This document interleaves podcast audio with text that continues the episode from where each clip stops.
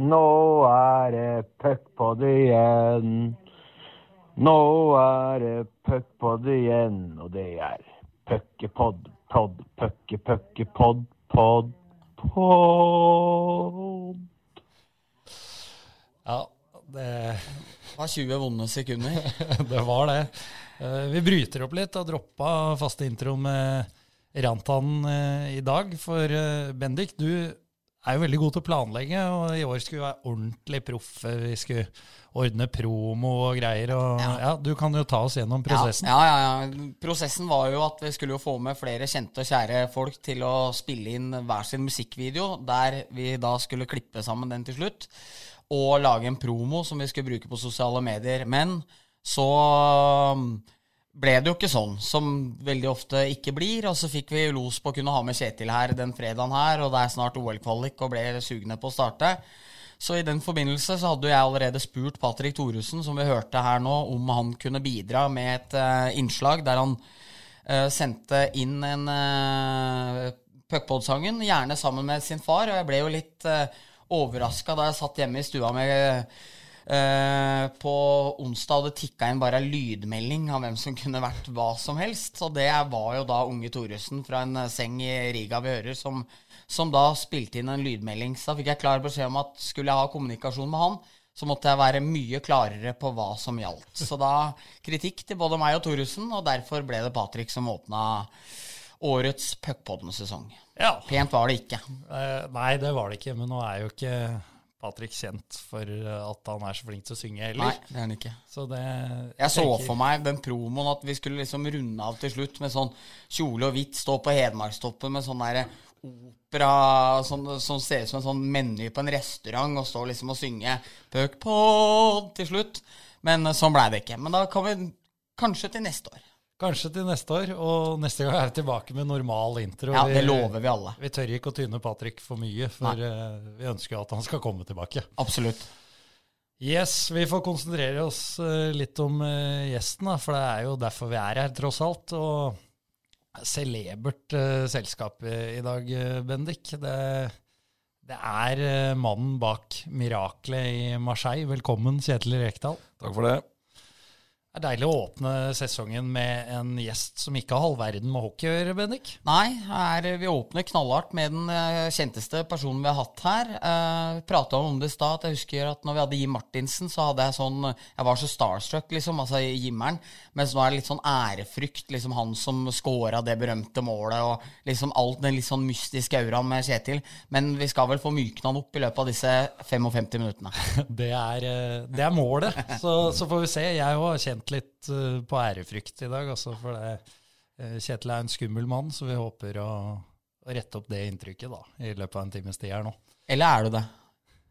Jeg spiller på det. Ja, du spiller på det.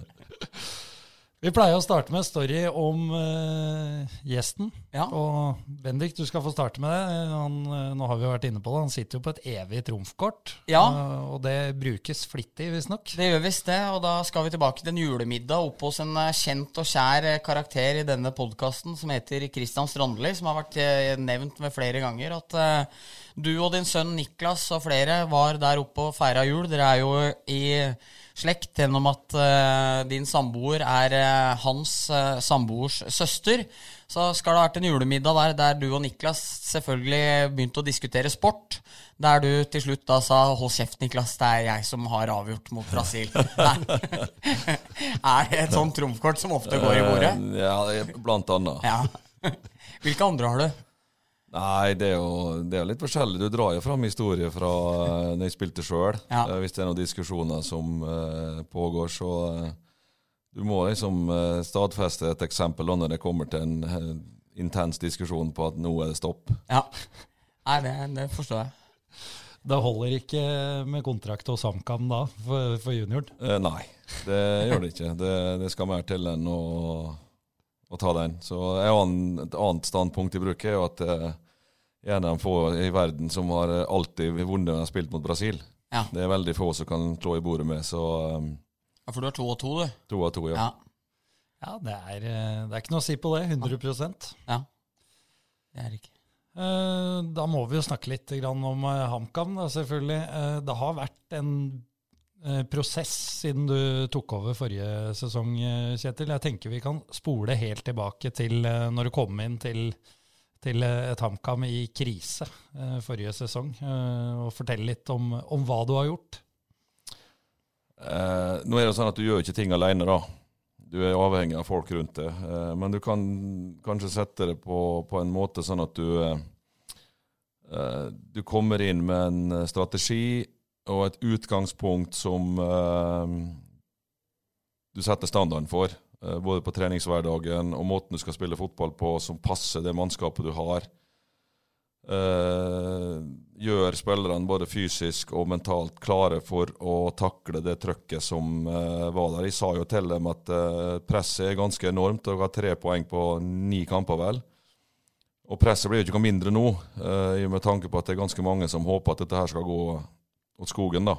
Eh, erfaren trener inn, kanskje en kjent profil eh, i mitt tilfelle som kom, da. Så presset ble jo egentlig bare større, men det må vi like. Vi må um, synes det er gøy å ha forventninger og oppmerksomhet på oss og press, og takle det og, og vokse på det. Og det gikk egentlig ganske greit. Uh, vi trengte litt tid. Vi uh, tok vel sju poeng på de første seks kampene før det virkelig satte fyr, og det var liksom den innkjøringsperioden vi trengte. Så, men etter det så var det veldig bra.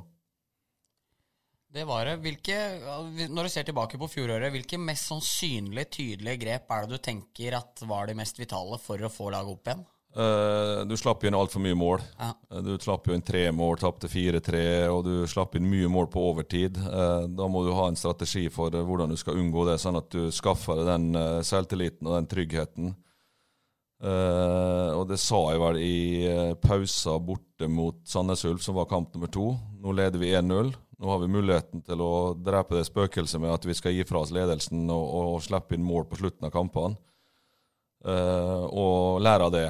Eh, så kom det jo 1-1 da midt i omgangen, men så klarte vi å skåre sjøl eh, etter 75-76 minutter. Og klarte å stå av det siste kvarteret og overtida. da, så du må erfare ting og oppleve ting tror jeg, for å skaffe deg selvtillit i fotball. Du kan prate så mye du vil, du må faktisk ut på banen og så uh, håndtere det. Og Det var liksom første opplevelsen. Så tapte vi vel for Tromsø kamp tre, og så var vi oppe i Stjørdalsblink eh, og skårte rett etter pause og leda 1-0. Så det ble egentlig kamp to eh, på å, å, komme unna det spøkelset som hadde satt seg da med at du slapp inn mye mål og mista alle poengene dine stort sett på, på siste spark på ballen. så jeg husker Geir sa det til meg Frigård, at eh, åh, det har vært så deilig med 2-0-målet her. Nei, vi, vi, vil at det skal stå 1-0, for da må vi lære oss det òg. Ja. Og det, Jeg vil ikke ha noe 2-0-mål, jeg vil at vi skal vinne 1-0. Um, så fikk Markus Pedersen rødt kort da, det var igjen noen minutter, så vi spilte var ti minutter med en mann mindre. og så og det som jeg sier, du må, du må, faktisk oppleve og erfare det for at du skjønner hvordan dette skal være. Så gjorde vi no, altså, noen innspill på grep på hvordan vi skal gjøre det uh, på slutten av kampene. At vi ikke skal um, spille for mye kortpasninger på egen halvdel. At vi bare renser unna og får laget ut høyest mulig i banen, så det ikke blir liggende rundt egen 16-meter. Så at du, at du, kjører høyt press istedenfor å bli passiv og rygge. Uh, det litt, tok litt tid, men uh, det var viktige seire de to første borte. der, At vi, vi begynte å vinne kamper. Et, et lag som taper, må jo gå fra å tape til å unngå å tape når du har kommet så langt at nå er vi trygge på at vi er i stand til å unngå å tape, så må du begynne å prøve å vinne. Så det er på en måte to hinder du skal over. Og nå er vi jo på det beste hinderet. at Nå, eh, nå er vi der at vi prøver å vinne hele tida. Mm. Og nå er jo kanskje en av styrkene deres hvor gode dere faktisk er til å spille på ledelsen Og Hadde du sett for deg at det kunne faktisk snus om til å bli en styrke? Eh, det er en del av. Eh, fotballen består av to ting. Enten så er det i forsvar, eller så er det i angrep. Eh, det er klart det er mest behagelig å være i angrep hele tida, men det, så enkelt er det ikke. Det er mye jevne kamper, små marginer. Da må du håndtere begge ting sånn som kampen er. Ja, det sier til spillerne nå, at vi må spille kampen sånn som den er. Noen ganger så må du slåss, noen ganger må du være kynisk. Noen ganger når du kanskje får et spillemessig stort overtak, så må du skåre mål når du er bedre enn motstanderen din. Ålesund hjemme er jo et sånt eksempel. Vi var bedre enn Ålesund, men vi tapte 3-2. Uh, slapp inn noe forferdelige mål. Så det viser jo at fotballen er uh, uforutsigbar, da. Uh, og feil gjøres fra alle. Det er om å gjøre minst mulig feil, og om å gjøre å være mest mulig presis når du har muligheten. Så, og ellers må du holde på en måte en stabil struktur i det. Det er det. det er. dette kallenavnet ditt i uh, når du kommer inn i HamKam som du gjorde, tar noen enkle grep, og så fungerer det såpass uh, kjapt, eh, kjenner du da på den uh, Messias-rollen du får i, i byen her? Nei, det gjør jeg ikke, for det er farlig. Uh, for det at du um,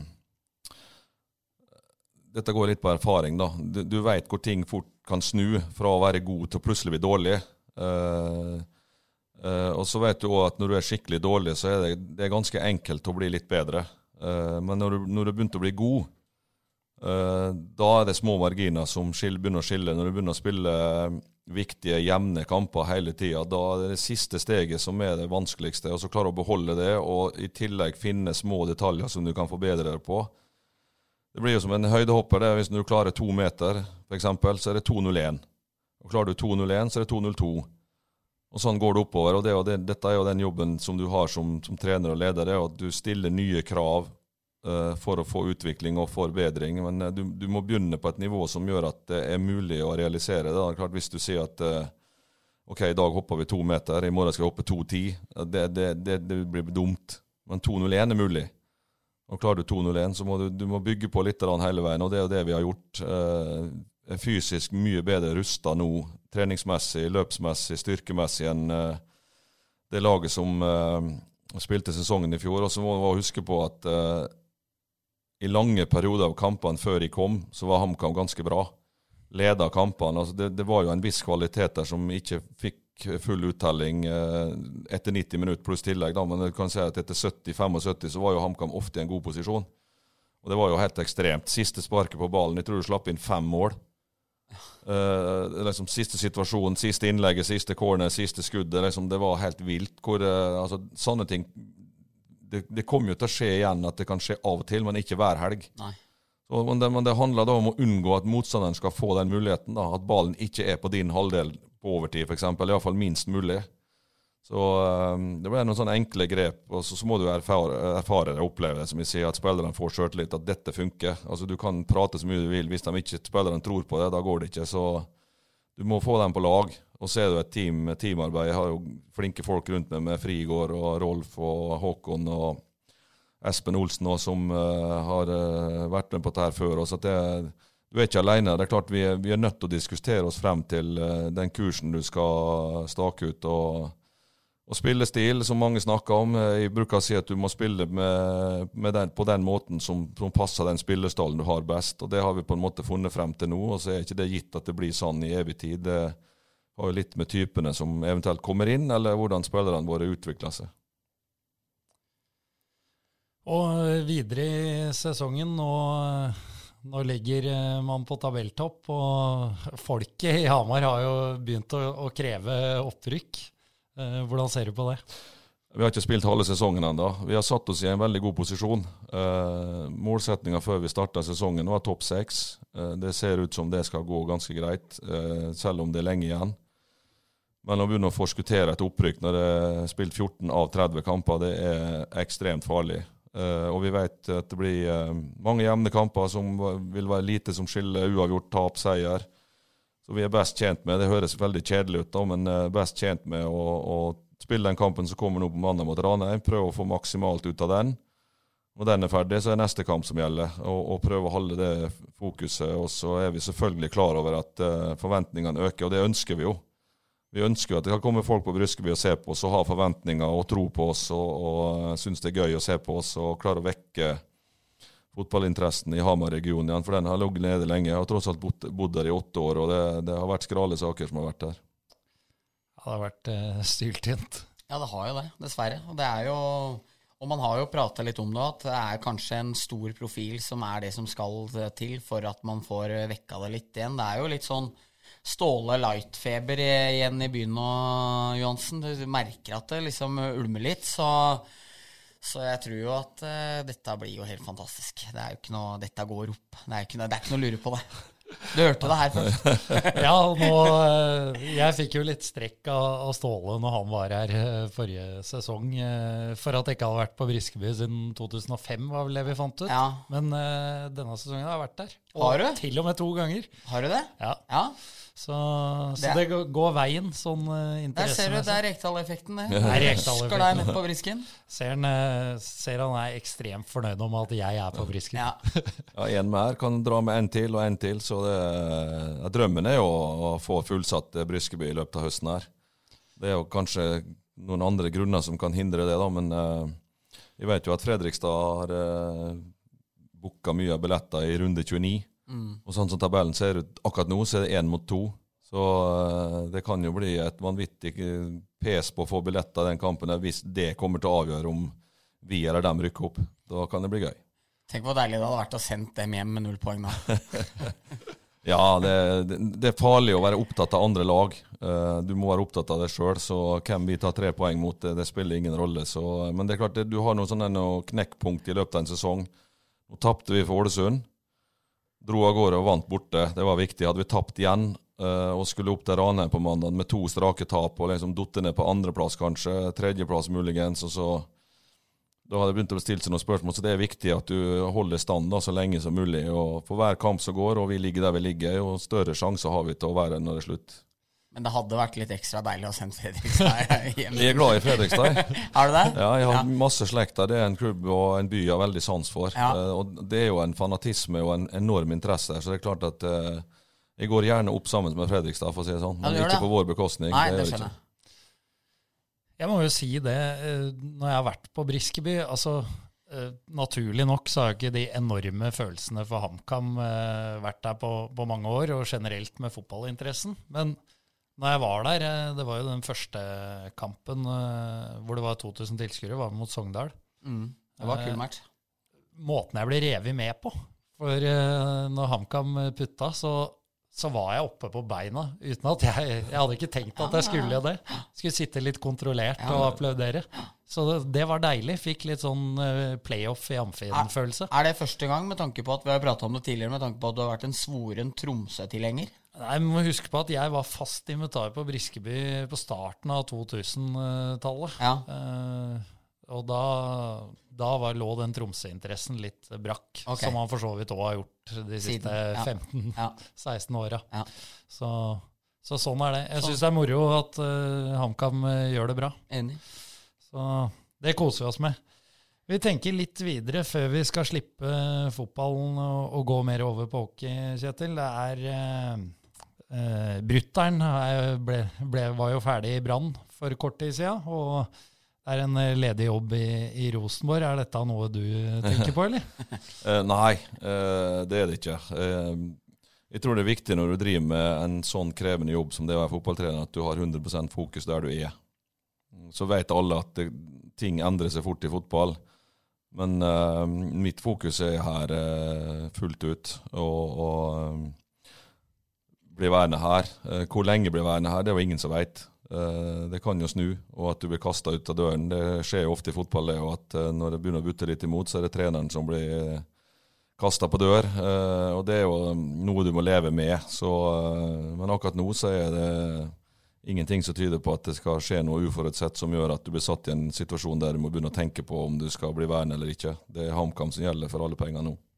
Du sa jo på fleip her i stad at dere flyr opp på mandag, for du skulle ikke ha to overnattinger på, i Trondheim hvis du ikke, hvis du ikke trengte det. Men Uh, ja, det er litt eh, flåsete sagt. Det har litt med økonomi å gjøre, så det har også litt med tidsbruk å gjøre. Ja. Vi, eh, vi skal jo ha en vanvittig rekke med kamper i september. 11., 15., 18., 22., 26., 29. og 3. oktober. Den Ja. perioden der kommer til å avgjøre ganske mye. og Da er det greit at vi ikke driver og bruker masse tid på reising og, og overnatting og blir igjen andreplass enn i hjemme og eh, trygge omgivelser. det høres lurt ut. Litt skuffende, Bendik. For vi- hadde jo nå regna med at Kjetil bare skulle si rett ut her at eh, ja, jeg er ute etter hovedtrenerjobben Ja. i Rosenborg. så, så det var jo litt synd, da. Ja, men sånn for eh, lyttertallet. HamKam-hjertet sier jo at det er veldig fint at han ikke sier det, men det er jo klart at klikkmessig så ville det vært helt topp om han avslørte her nå at han var keen på Rosenborg-jobben. Koteng pleier å høre på her, vet du. Ja, han er, eh, han er punch på puckpoden, faktisk. Skal vi gå over på, på puck, da, Ja. kanskje? Uh, vi snakka litt før vi satte i gang her, eh, Kjetil. Du, du er vel ikke nødvendigvis så interessert i, i norsk hockey, men eh, NHL, der har du kontroll. Ja, uh, spesielt når Sukka var i Rangers, da, så var det mange kamper som ble sett uh, på Viaplay, og eh, spesielt alle kampene som gikk på normale tider på døgnet. Eh, men når han var i Stanley Cup-finalen, så så jeg alle kampene, og den ene starta klokka to eller tre på natta. Eh, og var ferdig klokka halv seks-seks, for det ble jo tre per overtime to ganger, tror jeg. Eh, mot Los Angeles Kings var de røyk mot da, så eh, det var tungt. Og skulle stå opp to timer etterpå og dra på jobb, og de tapte i tillegg, så Men det er jo, det er jo ganske fascinerende. og når Jeg har jo vært litt på Jordalen. jeg bodde i Oslo og så på Vålerenga, og da har jeg sett både Vålerenga Storhamar og Vålerenga Oilers. og Det er jo eh, en enorm forskjell i, i fart og, og styrke og taktikk når du ser en, en norsk eliteserie eller hockeykamp kontra en NHL-kamp. Eh, men det er jo fascinerende å følge med. Det er jo en sport du kan eh, ta noe med det fra, spesielt det med statistikk. da, om du er ja, Er du på isen og du slipper inn mål, så for ofte så detter du nedover i rekka. og Er du på isen på overtall og laget ikke skårer, så er det alltid en eller annen som blir bytta ut. Så du, du har et press på det og måtte levere plusspoeng. Eh, Og Det er det samme fotballet fotball. Hvis du spiller kamper og ikke bidrar med noe som blir tellende i det lange løp, da, da forsvinner du ut av laget. Fascineres du av statistikken og det, hvor lett det er å bruke det i hockey? Altså hvor målbart alt er? Ja, det, det er jo tell, altså, alt faller jo ned på resultat.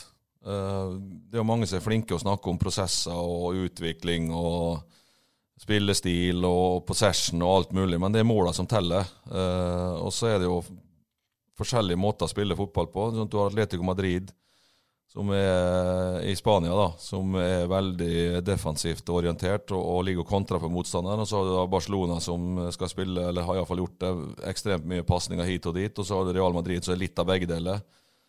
Eh, I England så har du Liverpool og City er kanskje på sin måte, Manchester United litt annerledes. Så har du Leeds igjen. Så du har forskjellige måter å gjøre det på. da, Det er ingenting som er fasit i det lange løp. Så det, det går litt i, i uh, sirkler, dette her. Uh, og det, det, jeg tror det er viktig å følge med, og det er iallfall det som er mest viktig for min jobb. At jeg prøver å ligge i forkant av utviklinga hele tida, sånn at mitt lag er moderne. eh, både når det gjelder forsvarsspill og angrepsspill. Og så er jo det ganske komplisert, da, for det er jo, eh, det er jo motspill der. Du har et lag på andre sida som prøver å ødelegge så mye som mulig for det du prøver å få til, og det er samme andre veien. Og så er det når dem eh, eventuelt begynner å bli gode, gode eller får til noe, så vil du gjerne prøve å rive i stykker det og hindre dem å få i gang. eh, Du hadde jo en kamp nå mot Jerv. De hadde to veldig gode vinger eller angrepsspillere som var viktige å gi dårligst mulig arbeidsforhold. Det var kampavgjørende. Uh, At de fikk lite til, eller fikk lite plass. da. Og Så er det kanskje en annen gang at vi får samme utfordringer sjøl, at motstanderen hindrer en Eriksen, en Enkerud, til å få målsjanser eller komme i, i gode posisjoner. Da. Så det er jo Da må andre stå frem. Mm. Men i hockey, Kjetil, da er det ikke, til tross for at du er HamKam-trener nå, så er det ikke uh, synonymt med å heie på Storhamar da. Det er Vålerenga som er laget her. Det er helt korrekt. Uh, det, er, det, har, det, har jo, det har jo vært sånn lenge, så, eh, men det er jo ikke dermed sagt at de har noe mot Storhamar. Men Nei. eh, det er Vålerenga som kommer først, ja. Det, ja. det er bare sånn. Ja. Det, det var sånn med fotballen. Da jeg var liten gutt, så ble Vålerenga favorittlaget mitt i Norge. Selv om jeg spilte for Molde, så hadde jeg alltid et øye til Vålerenga. Det er en klubb som fascinerer, og som er veldig interessant og veldig spesiell. Eh, Og jeg har vært heldig og jobba der i ti år. Så eh, du blir jo dratt inn i noe, og det er sikkert det samme som folk opplever som, som heier på Storhamar, at du blir jo identifisert med det og dratt inn i det, og en livsstil og hele pakka, så uh, Men det er sånn når du, når du har treneryrket som jobb, du skifter jo plass til plass, og du blir jo på en måte litt sånn følelsesmessig involvert i, i det stedet du er. Så akkurat nå så er det HamKam som gjelder for meg, og du, er, du blir jo glad i den klubben du jobber for, for du, det, må være med, det må være en viktig del av det.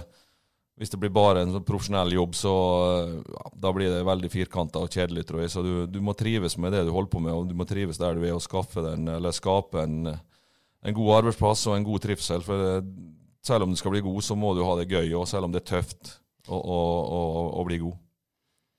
Hadde du noen betenkeligheter eh, når tilbudet fra HamKam kom? For det er jo eh, Mange av HamKam-supporterne har jo også hjerte for eh, Storhamar, og uh, naturlig nok et betent forhold til Vålerenga. Ja, nei, men det, det altså, Rivalitet det syns jeg er sunt, uh, og, og, du skal uh, Det trigger jo utvikling òg, at du har lag som setter seg opp mot hverandre, og de, de får til det de har vi lyst til å få til. Så det er jo en rivalitet. Er, konkurranse er jo bygd på rivalitet. Det må, være, det må, være, der. Så er det jo sikkert noen overtramp både her og der, eh, både på Storhamar og Vålerenga og Brann og Rosenborg. Overalt kanskje så har det vært noe sånn rusk. Det må vi prøve å få bort. Så at det blir, liksom, at det blir kampen som er rivaliteten. Og når den er ferdig, så er det trivelig eh, og saklig og fornuftig skal si, stemning mellom partene. og det, det, er noe vi må jobbe med. for det, det har vært mye grums i idretten, ikke bare i Norge, men i andre land, om rasisme om sjikanering og diskriminering og masse sånn. Så vi må få bort alt dette der nå, sånn at det, at det blir kun realiteten når kampen pågår. Og når den er ferdig, så er alle forlikte og, og kan gå trygge og godt hjem igjen. Det, det, det er iallfall min tanke rundt det. så Svigerfar da, han var jo uh, fort ute og, og lurte på om vi var klin gæren som tok over HamKam. Uh, for det, Han så på dette som en komplett umulig oppgave. og Da sa jeg slapp av, dette kom til å gå veldig fint. sa jeg Så det, det, altså, Litt tilfeldighet er inne i bildet her, for det koronaen stoppa meg til å reise utenlands to ganger. Uh, jeg var jo egentlig nesten på vei opp til Gardermoen uh, i mars der. Og måtte så å si snu i siste lita fordi at verden ble stengt ned. Så det har jo sikkert en viss påvirkning på at jeg sitter her nå og har vært HamKam-trener det siste året. og å bo hjemme i den koronasituasjonen, det er jo ingenting som er bedre enn det. Og Du skulle drive og pendle nå med familie på besøk, eller turer hjem innom flyplasser og alt mulig greier. Det er den smitterisikoen som har vært. da. Så da er det ganske behagelig og ganske fint å, å bo hjemme og trene et lag i den byen du bor i, selv om det på, på, over lengre tid kanskje ikke er optimalt med tanke på unger som skal vokse opp og både ene med det andre. Så, men så langt så har det gått bra. Da, så handler det om å hoppe av til rett tid. da. Jeg skjønner. Hvilken klubb var det du skulle til? Cedil? Ja, Det får være, for det kan jo dukke opp igjen senere. Ja. Utlandet. Ja. Ble ikke noe skup der heller. Ikke, ikke, ikke der heller. Det er langt mellom skupa. Jeg la merke til at du sa at du ikke hadde noe imot uh, Storhamar. Uh, våre kilder sier jo noe annet. Det er jo uh, svoger Strandli igjen, da, som Vi prøvde jo å få solgt noe sesongkort for å få inn litt midler til Storhamar 2. Men da kom han hjem igjen etter familiemiddag med beskjed om at det kunne ikke Rekdal være med på. Det, nei, det var riktig. Det var jo litt Jeg sier at å sponse dere som driver og taper alle kampene og er trim. Det blir for dumt, sier jeg. Men du, du sponsa jo ikke eh, rivalen din på en måte heller. Eh, så eh, det ble litt sånn et hva skal jeg si, et status, status statueringseksempel på at hvis jeg skulle kjørt sesongkort, så må jeg kjøpe for Vålerenga og ikke for Storhamar. Men jeg har vært på, på OL Amfi et par ganger og sett kamper. Det har jeg. Hva syns du om å gå der på match? Det har vært uh, ubehagelig. Såpass? Uh, ja, ikke for min del, men uh, jeg syns det har vært uh, altfor stor fokus på sjikanering av uh, motstanderne. Jeg sier ikke at alle gjør det, men der jeg satt, så var det ja, Det var ikke noe gøy å sitte der. Nei. Det var voksne med ungene sine og rundt, og et språkbruk som ikke jeg liker, iallfall, når du er på idrettsarena. Men det, dette er jo sikkert sånn som skjer enkelte plasser overalt, så jeg skal ikke si at det er verre der enn andre. Nei. Men jeg vil jo heller heie på mitt eget lag. Og bue, det er jo greit, men også med, med, med språkbruk som er langt over streken på motstanderspillere og trenere og greier, det, syns jeg ingenting om. Nei. Uansett hvor det er.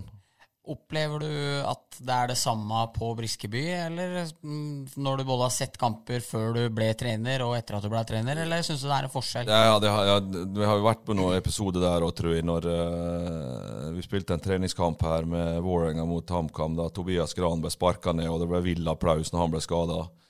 Altså, jeg liker ikke sånne ting. Det er greit at det skal være tøft og, og, og, og smelle og alt det greia, men det går ei grense. Mm. Uh, og Fair play er der av en grunn. Uh, og du kan gjerne prøve å psyke ut motstandere, og alt sånt, men det, det, når det går over til uh, stygge ting, da, som ikke hører hjemme noen plass. Og dette er, altså, Jeg sier ikke at det er noe verre på, på hockey i Storhamar eller noen andre plasser, men uh, foreldrene mine i Sogndal for eksempel, satt og så på en kamp der når Vålerenga spilte, og moderen måtte bare gå.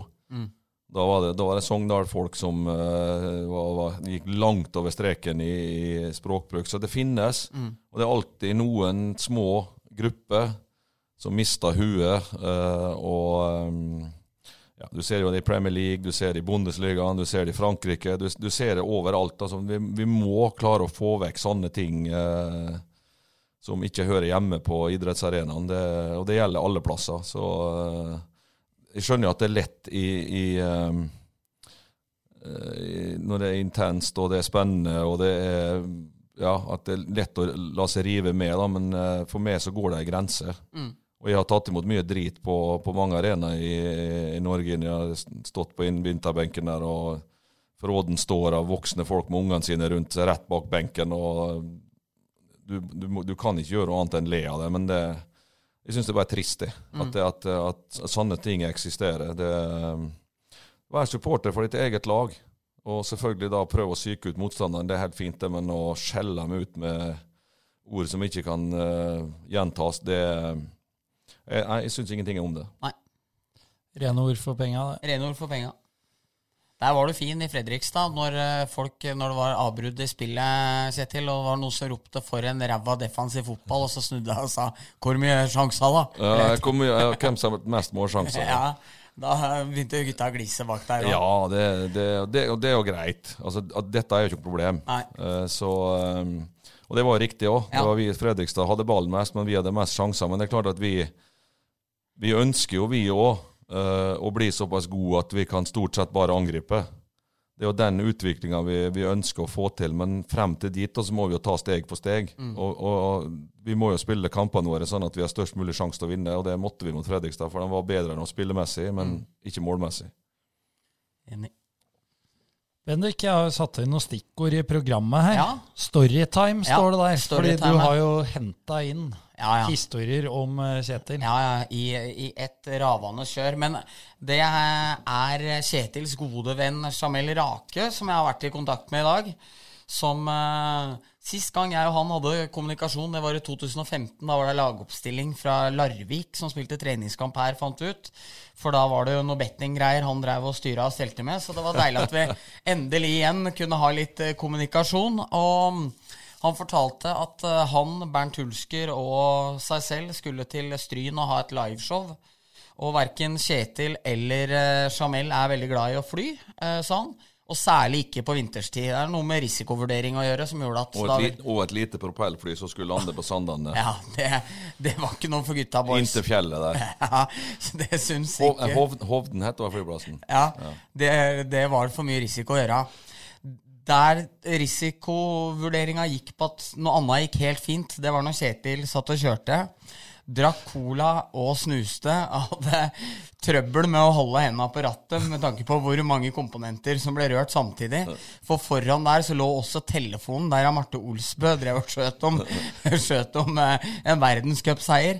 Så Jamel fortalte da at mens Kjetil da hadde droppa flyturen pga. risikoen, så drev han over Strynfjella på speilblanke veier og så på skiskyting og skjelte ut av farten mens, mens han kjørte. Så kan jeg få bekrefta om den historien her er eh, Eh, sann. mye av den er nok, er nok sann, men Ja. at, at jeg satt og satt og så på telefonen jeg kjørte, det er jo ikke helt riktig. Nei. Jeg hadde den vel liggende, Ja. så jeg kunne høre hva som foregikk. Ja. Så, uh, Så ikke mellom tomla, som Nei, det, det, det er jo ikke lov. Nei. Så, eh, men at han lå i, eh, ved siden av, så kunne høre på hva som gikk, det, det stemmer. Ja.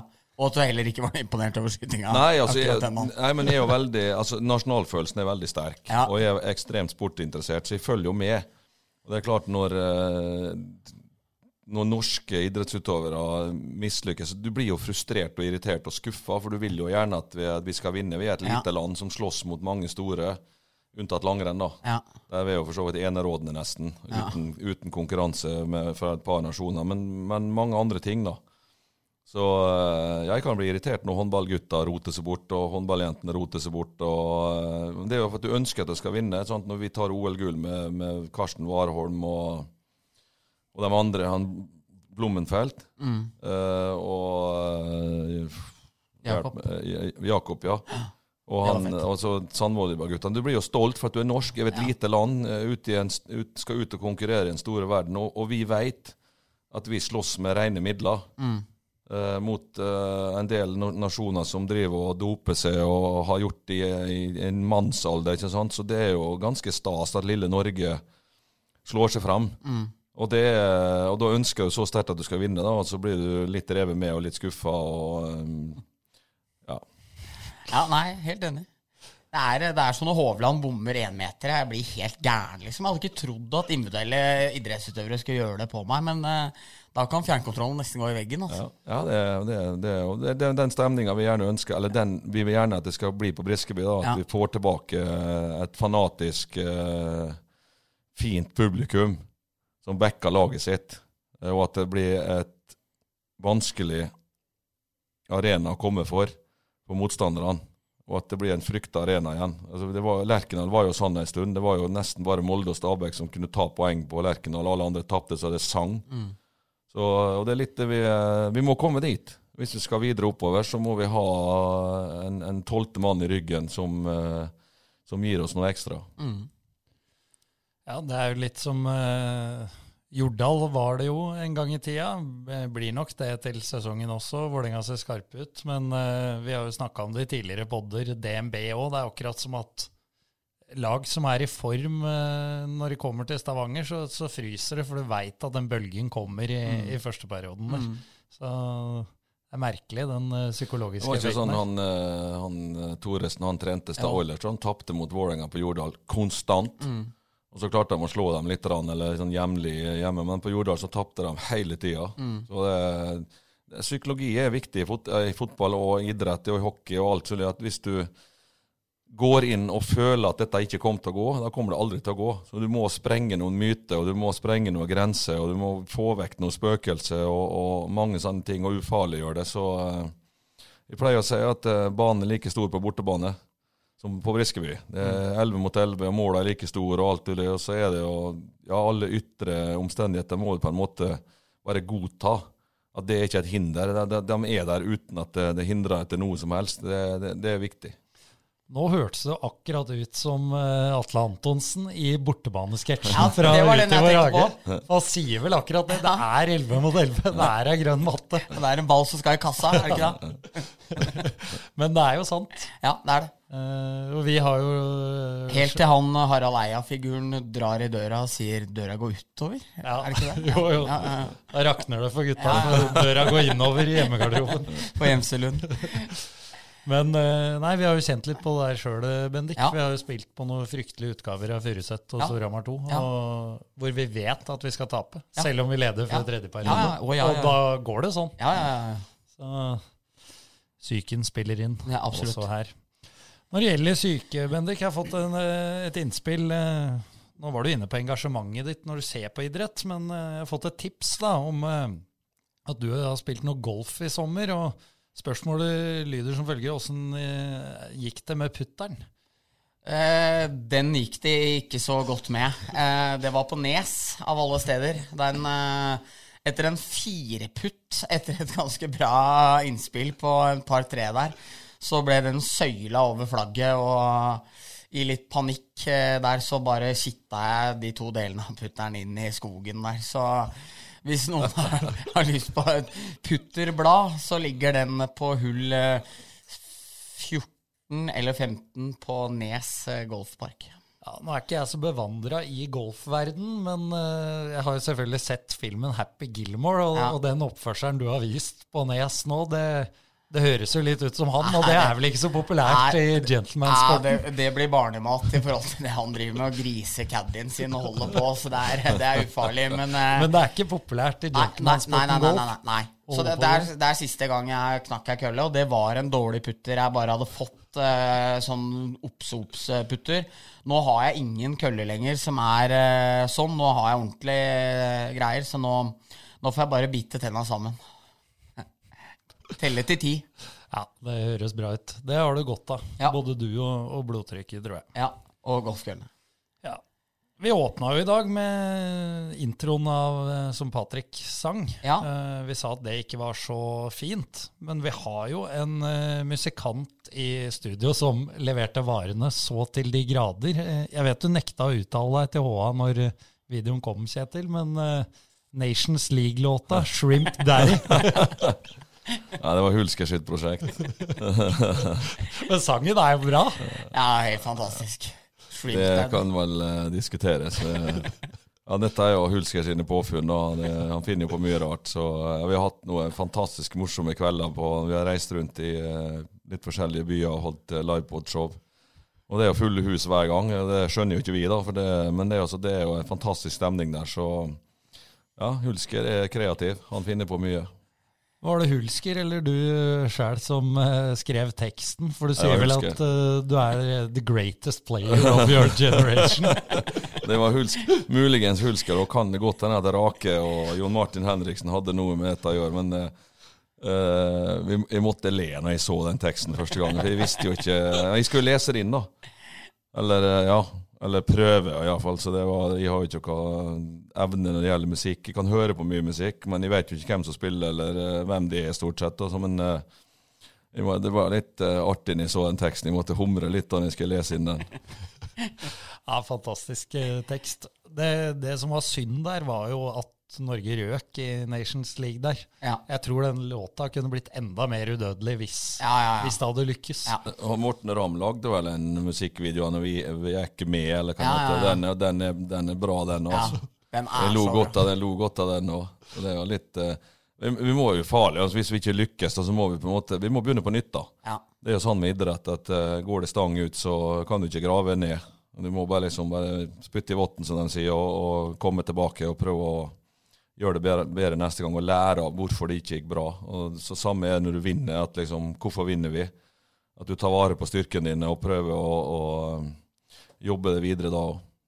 Det er helt sant. Det var vel Jan Åge Fjørtoft ble vel sånn tilgjort sur for den sangen når den ble presentert på VGTV der, men eh, nei, eh, der støtter jeg Kjetil og må heller glise av den. Den er jo litt herlig. Ja, og så er det vel et poeng, eh, det du var inne på i stad. Norge, når vi er ute i forskjellige idretter, så konkurrerer man eh, mot ganske mange store nasjoner. Og i hvert fall i, i fotball så uh, er det vel et problem at uh, generasjonen din, som du var best i, Kjetil, ifølge deg sjøl, uh, gjorde det så mye bedre enn ja, enn jo- hva man skulle, Ja, vi- egentlig. Vi var rangert som nummer to i verden med landslaget vårt, og det, er jo, det skal jo egentlig ikke gå an. Men du ser, hvis vi skal ta fotball, så tar Bodø-Glimt i fjor 81 poeng av 90 mulige, og over 100 mål. Altså det, det skjer jo ting eh, i fotball sånn i Ikke ny og ne, men en sjelden gang, da.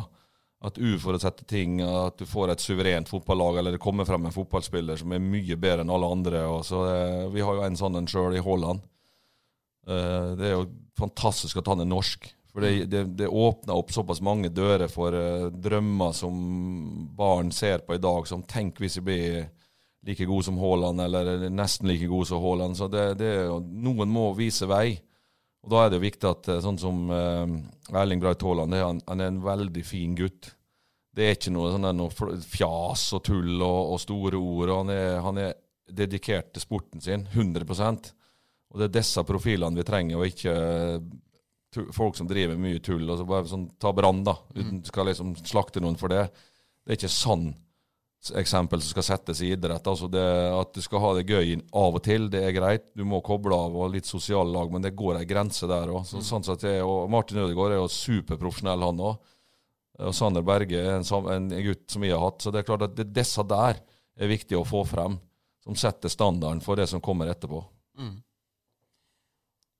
Og da er det jo òg, tenker jeg, at veldig viktig og når disse kommer opp på, som du sier med Brann, at, at de ikke kommer opp i seniorklubber der eh, sånne kulturer har fått fotfeste. Ja, ja, klart det. Ja, Det var eh, Det måtte jeg skyte ja, inn. ja, ja. Det er ikke noe i veien. Nei, nei, nei, nei. Dette er din pod, Dette er min pod. podd, så der må du bare melde deg på. Jeg penser litt over på hockeyen Jeg igjen. gjør det. Det var en fantastisk ishockeykamp i CC Amfi i går, Ja. eh, Bendik. Ja, det var det. Ble bare 1-9. Ja, Det Så- ble bare 1-9. Du virka nærmest fortvila oppe i, i boksen jeg satt og hørte på deg, Tor. Det var eh, om Ja, det er slakt. Eh, Ja, det var eh, det, Altså, det Fortvila er nok ikke ordet, men mer sånn i sjokk over hvor dårlig det faktisk kunne bli etter hvert. Altså, Storhamar er vel litt heldig som bare ligger under 1-2 etter 2, nei etter 1. Er heldig som ligger under 1-4 etter 2, for da har jo Sparta bud på flere skåringer og et par i tverrleggeren og sånne ting. Og så rakner det jo totalt i tredje perioden, eh, dessverre, da. Eh, blir 9-1 til slutt. Kan lære sånt òg. Og det er jo det man må Ja, du, tenke. ja, du må lære det, Ja. hvis ikke så, så skjer det jo igjen. Eh, men dette er jo sånn som noen ganger så sklir virkeligheten fra deg i fotball eller idrett òg. at du eh, faktisk ikke har kontroll på situasjonen lenger. Og, og hvis alle der skal prøve å rette det opp på egen hånd, så mister du all struktur osv. Så videre, så, men uh, tapte ikke noe poeng, da. Det var Nei. treningskamp. og uh, det var jo mange som var på også. Vi uh, tapte 4-0 og 5-1 for Raufoss. og Jeg var veldig hard på at eh, vi er i oppkjøring. Spillerne må få spilletid, muligheten til å vise seg frem. Vi er nødt til å teste ut ting uten at vi risikerer å tape poeng på det, for det er treningskamper. så Det er klart det er jo ikke hyggelig å tape 4-0 og 5-1 sånn sett eh, for oss heller, men du, du får noen svar som du må få. Du må leite etter virkeligheten i det. Kan han stoles på i bestemte faser i kampen? Er det for tidlig? Må vi jobbe mer med bestemte eh, detaljer som en skal utvikle, osv., osv. Så, videre, og så, så eh, jeg tipper at uh, Storhamar-gjengen taper ikke 9-1 mot eh, Sparta neste gang. Da blir det nok mye jevnere. Ja, det tror jeg òg. Og det er jo en faktor her òg med uh, fire spillere på, på landslagssamling. Ja. Riktignok uh, forwards, men uh, fire viktige spillere for, uh, for Storhamar. Så det, det vil jo være et helt annet lag som mønstrer opp når, når OL-kvaliken er ferdig også. Ja, ja, absolutt. Og det er jo spillere som, som du påpeker, ikke er defensive spillere, men det er jo, jo bedre offensiv skyts du har, jo større er sannsynligheten for å klare å holde pucken oppe. At du ikke vil få de samme brudda tilbake igjen. Altså I går ble jo avstandene gigantiske. Sparta kom jo etter hvert to mot én, én mot null. Altså, det var jo, jo happestemning til slutt, liksom, der Storhamar hang i taua. Så det er klart det at du skal ikke legge altfor mye i det. Men Jimmy Andersson må gå av. De har to langtidsskada spillere som har slitt masse med skader de siste par åra, i Mikkelsen og De La Rose. Eh, hvis treningsmatchen kan brukes noe positivt i går, så var det jo på en måte å få bekrefta at backbesetningen er for tynn, som eh, Mats Hansen sier til meg i dag, at uh, Storhamar ser jo selvfølgelig etter en forsterkning. Så det ble jo på en måte en grei lærdom av matchen i går, da, sånn som det var.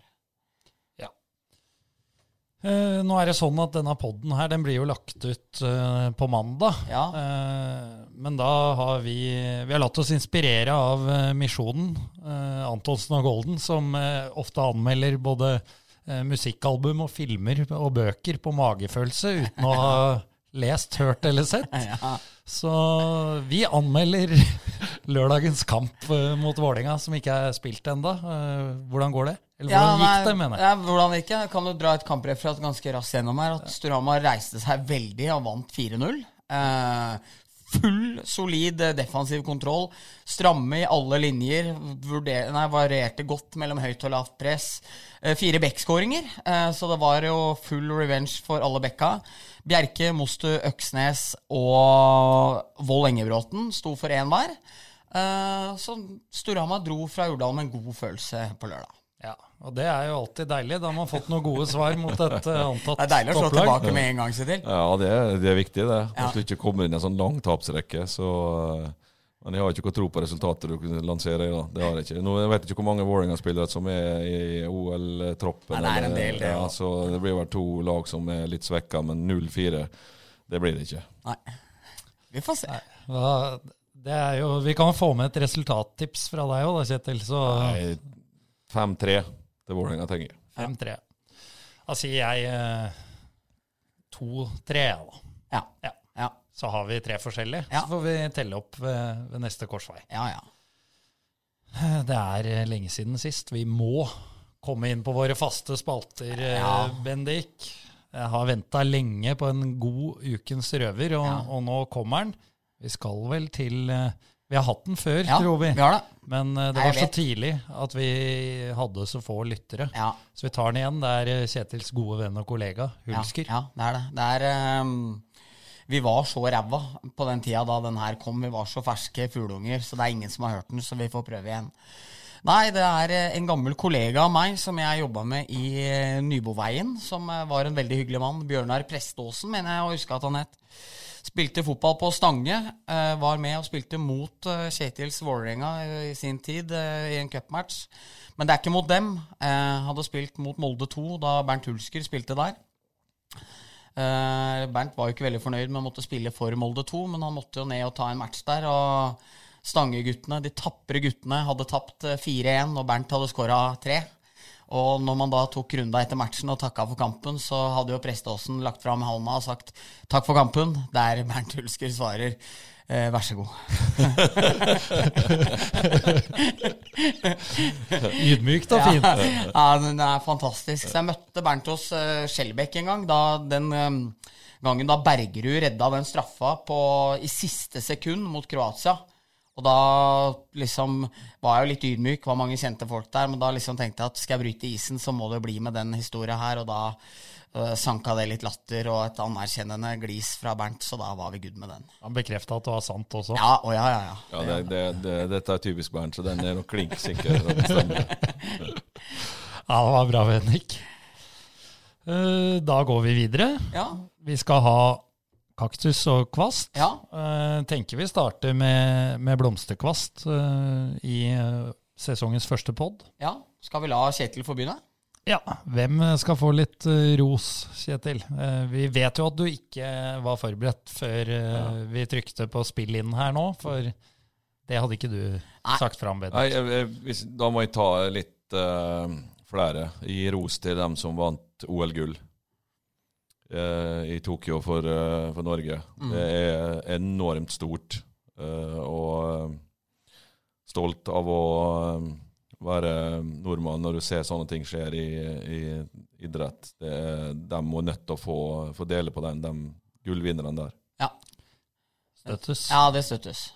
Og, og håndballjentene burde jo ha klart det, dem òg. Ja. Er det lov å si det? Det er det. Ja, men det viser jo hvor uh, du, jevnt det kan bli, og enkelte kamper. Det er jo stor forskjell på den beste og den dårligste i, i eh, jentehåndballen. Så, eh, men de har vunnet mye, så det er jo litt bra at eh, Litt bra er det ikke, men at, at det noen gang går stang ut for dem, det jo en, skal jo gi en ny giv, da. Mm. Så og så er det jo bra det er jo bra for idrett og at det ikke blir de samme som vinner hele tida. At det dukker opp eh, noe overraskende resultat. Jeg er jo veldig Formel 1-fascinert. Og i Hamilton som, og Mercedes først og fremst, da, men at jeg klarer jo å glede meg over når eh, et av mindre teamer, sånn som Aakon Åkon med Renault vant sist.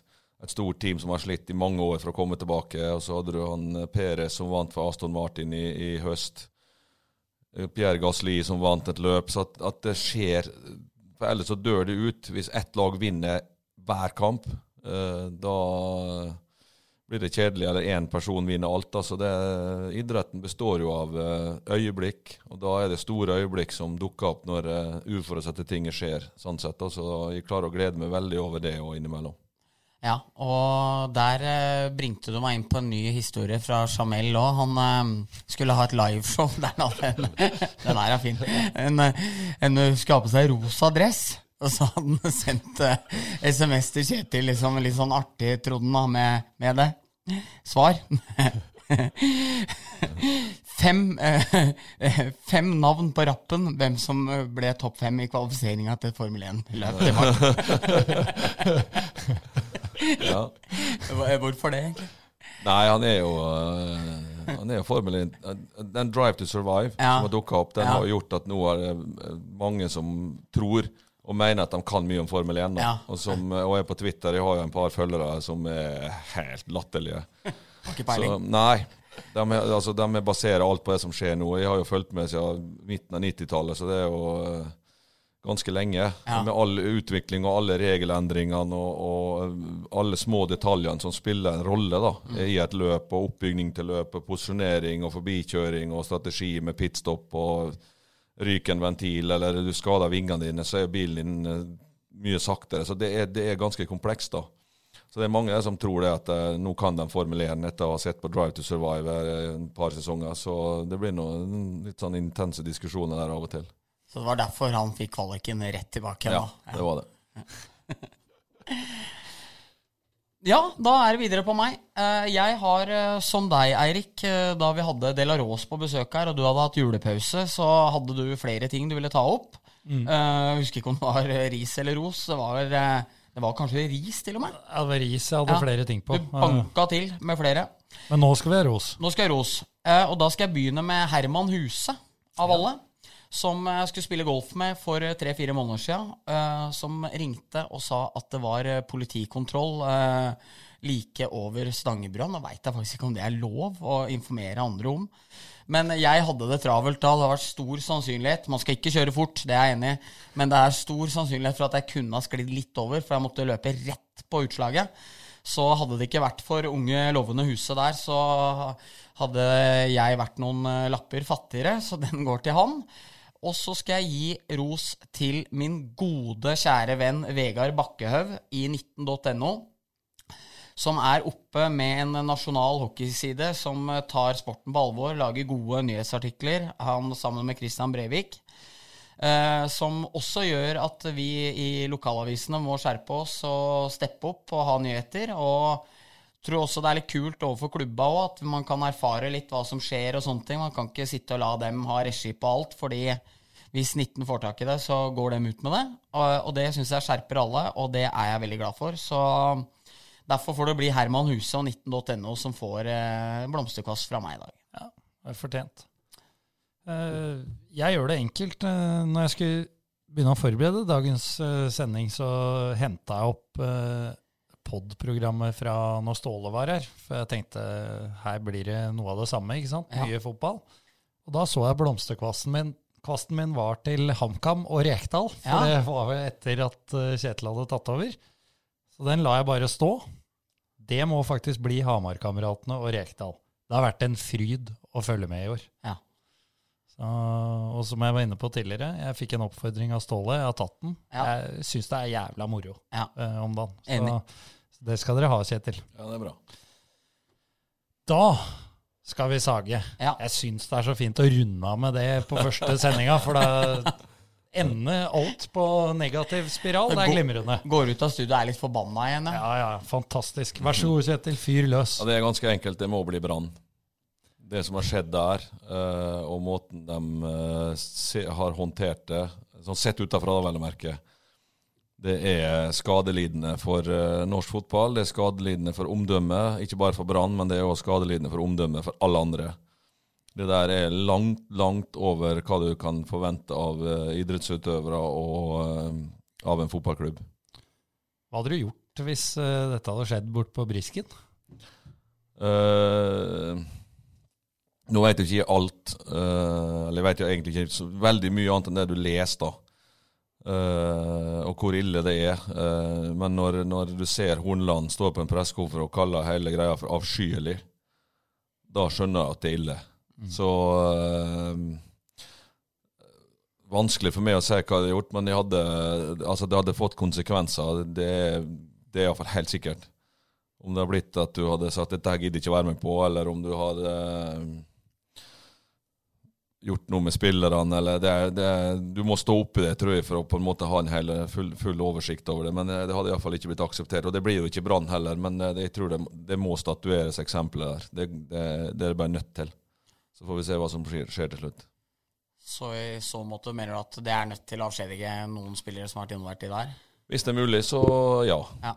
Det spørs, du har jo et arbeidsvern eller kontrakt øh, og alt mulig, og så øh, Og det er jo ikke første gangen de har tråkka over streken heller, en del av dem. Så øh, jeg pleier å si i fotball er det ganske enkelt. Du får som du fortjener. Eh, så det er jo et, øh, et øh, problem som har sannsynligvis vært der en stund, og som nå utarter seg til å bli en øh, kjempeskandale.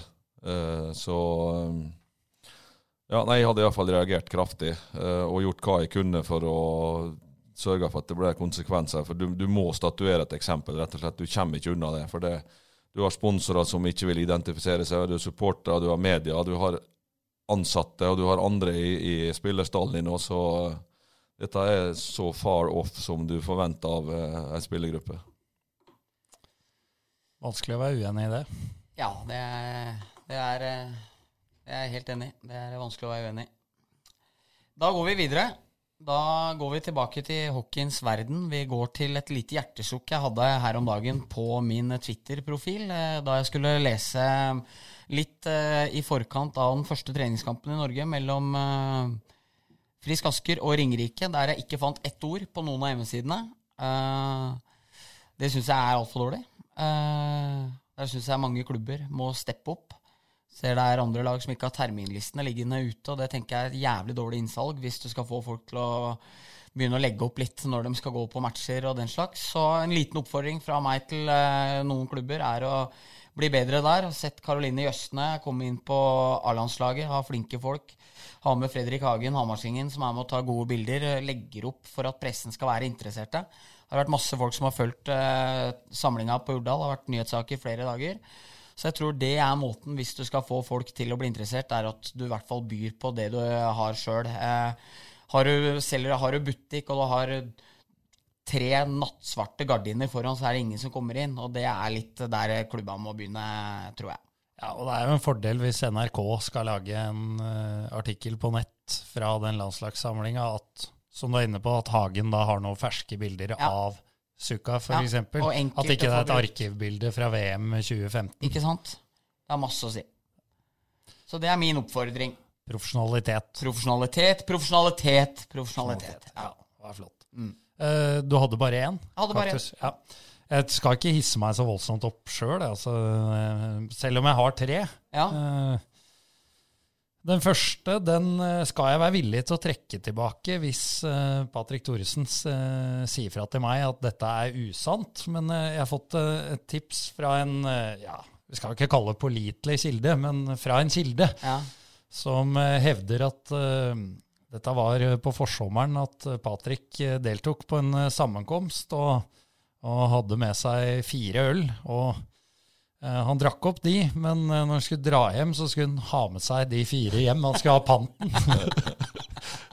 og, og nå pleier jo HA å, å publisere noen skattelister lokalt.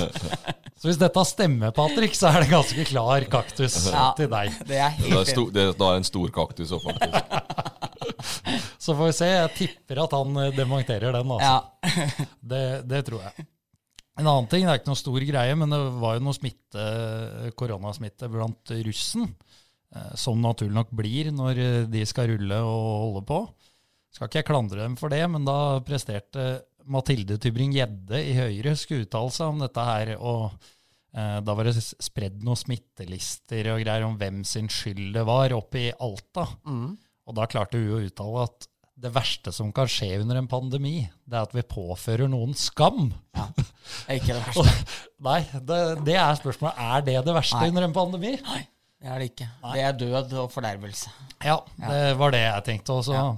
Nå jobber litt med medieuttalelsene der, eh, Tybring-Gjedde i Høyre. Ja.